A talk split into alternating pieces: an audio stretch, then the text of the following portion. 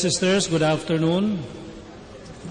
In this first Sunday of Lent, we are reminded that Jesus Christ our Lord was also tempted, but did not succumb to temptation.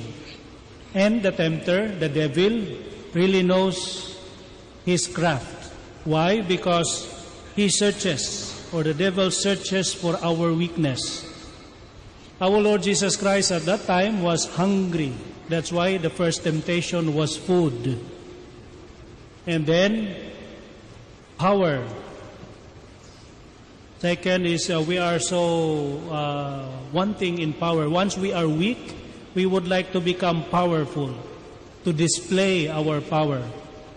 And then, of course, the last one, the very source of uh, temptation is to worship, worship the devil.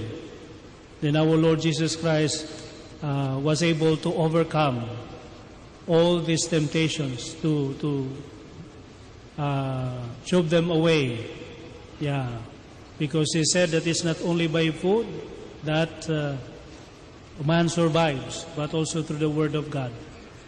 Well, of course, if we were to imitate our Lord Jesus Christ, we might be frustrated. Why? Because unlike our Lord Jesus Christ, He is 100% obedient to the Father from start to finish.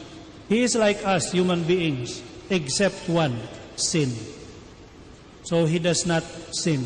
He is not capable of sinning. He does not fall into temptation. Whereas man, we, are capable of temptation. We, we surrender to temptation. By the way, what is the difference between a test and a temptation? A test usually is something that is perceived as difficult. And that's why it's not attractive. If you tell the students, oh, there will be exam or test next week, then they start frowning because it's difficult. It means that they have to study harder in order to pass. But temptation is something that is attractive. That's why no one is temp- offers a temptation that is not attractive. If we are offered, for example, to eat charcoal, that's not a temptation because who will be attracted except perhaps if that charcoal is necessary for attaining good health, then it becomes attractive at least because ada guna niya. But if we are offered ice cream, na it's tempting especially when it's very hot. Yeah, because it's nice to, to, to, to the palate and it tastes good. Now, even if we are told no, ice cream is only sugar and it's, there's no nutritious, nutrition to it, no nourishment, still we are tempted because it's attractive.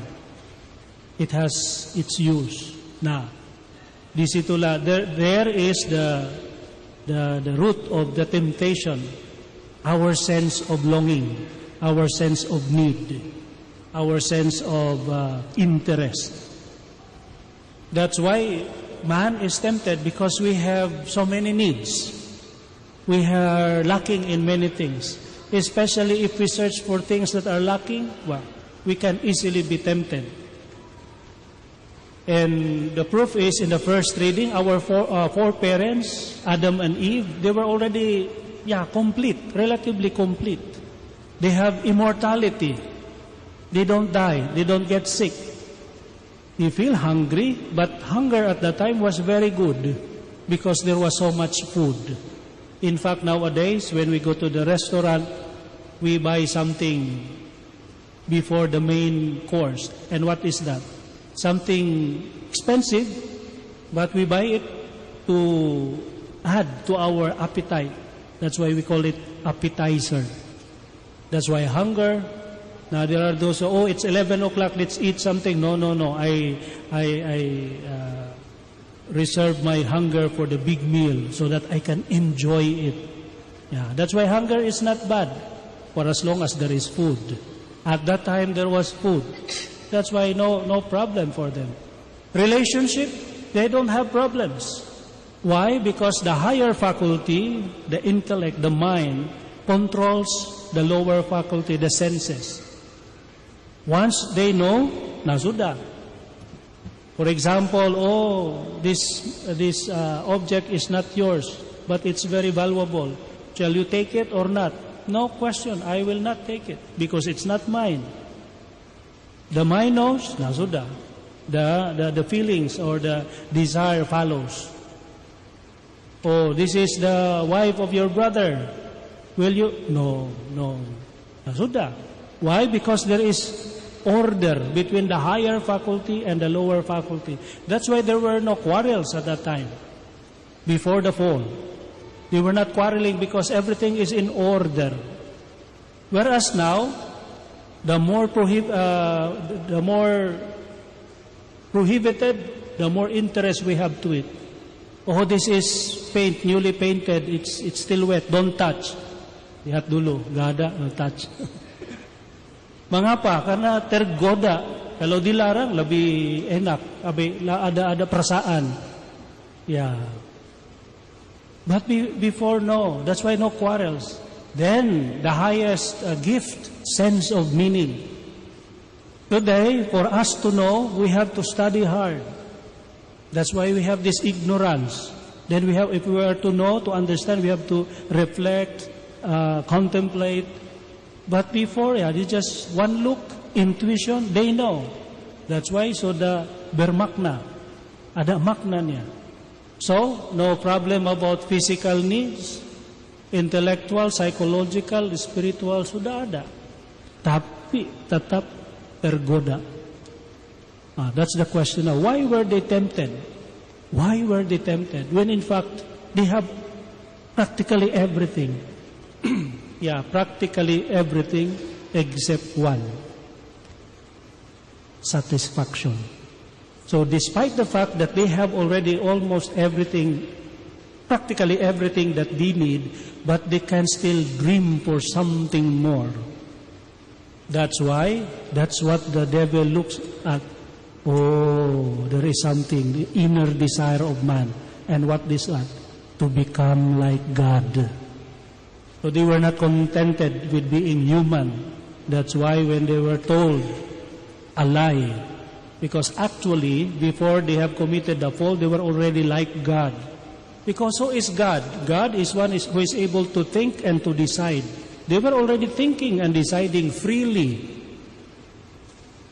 After the fall, they could not think well and they cannot decide properly.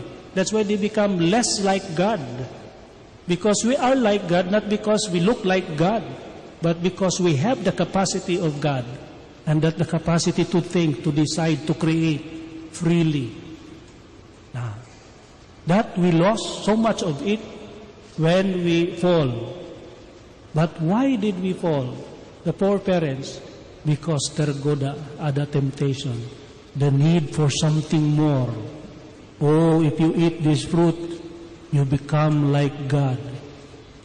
You will know good and evil. Saparo benar, saparo bohong. Because if we talk about experience, now they experience suffering. Before, no suffering. Now suffering, all kinds of suffering. Physical suffering, relational suffering, rational suffering.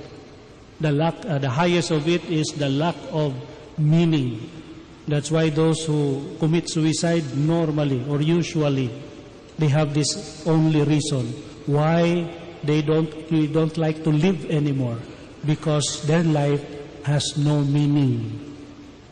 Yeah, that's why the greatest suffering is the suffering, the absence of meaning. Yeah. But that's the root of our temptation, the lack of the lack of satisfaction.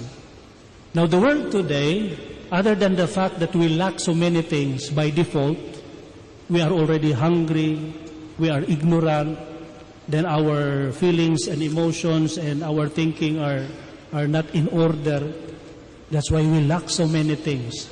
And then the world adds to it, offers more, uh, creates more needs. For example, the laptop.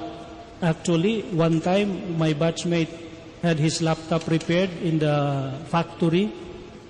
Ternyata in the factory, That was 2005. The model 2006, 2007, 2008, 9, and 2010 sudah ada. But they are releasing it one by one, the features. Why? Marketing strategy. If they will release everything, the following year, nothing more to offer, people will not buy anymore. That's why to create the need, ah, ini saja. Then 2006, release additional feature. Then people will think, wah, ini sudah lama ini. Oh, kala dengan ini. Oh, ini lebih bagus ini. Then the desire, the desire to buy more. They will not be satisfied anymore with this item. Already one year and lacking in this, lacking in that. Oh, this one is better. That's why we search for more. We hungry, hunger for more. And because of that, we are tempted. Because the devil searches only for that which we need, and he will supply it. Our Lord Jesus Christ is not tempted because he is 100% satisfied. If we are, whereas for us, seldom somebody reaches that 100% satisfaction then even if the one who has really high level of satisfaction, 99.99%, that 1% can still be the capital for the devil to enter and tempt us, whatever it is. That's why it's almost normal for us to fall, to commit sin. Now, the good news is our Lord Jesus Christ was ready for that. The only thing needed now, if we sin, is to stand up again. And the first step to stand up again is to own it. Own. Mangako. Mangakui sadya. Diakui. To accept and humbly be responsible of our sins. That's the first step. The moment we deny, we can never get healed or we cannot ever rise up because we are still down there. We are denying. A small kid who could not resist the temptation of eating a chocolate cake, and because he is a kid, just get, then eat. To kalihatan, ada bukti niya. Oh, who ate the cake? Enggak, enggak. Tapi kalihatan ada so much uh, remains on his face. Constantly deny.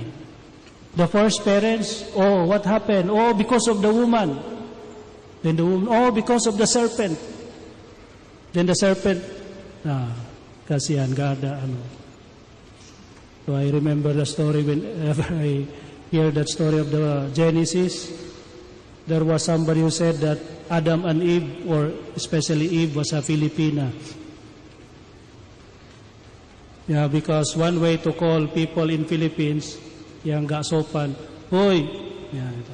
Tapi labi, ano lagi, psst, no. visa, visa, ano, uh, to turn the head, yeah. So, well, that must be the way the, the serpent called Eve, yeah. Then there is game in life which only chance of winning is not to play. The moment we play, we lose. What is that? Talking to the devil. Oh, no, no, no. It's just one time.